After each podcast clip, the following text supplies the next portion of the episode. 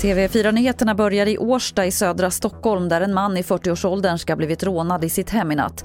Två gärningsmän med kniv och ett pistolliknande föremål ska ha tvingat sig in hos mannen. De högg honom med kniven och försvann med värdesaker. Men de greps senare av polis och är nu misstänkta för grovt rån och försök till mord. Tre av tio cancerfall beror på levnadsvanor. Det visar en ny rapport från Cancerfonden. Det handlar bland annat om alkoholkonsumtion, solning och rökning. Och det är kvinnor som är mest drabbade. Det betyder inte att kvinnor lever ohälsosammare än vad män gör. Utan det beror delvis på att eh, levnadsvanor är kopplat till de gynekologiska cancerformerna, livmoderhalscancer och livmoderkroppscancer samt till bröstcancer som i stort sett eh, är en kvinnlig cancerform. Men den vanligaste cancerformen hos män, prostatacancer, den finns inte med i den här studien. Det sa Elisabeth Johansson på Cancerfonden.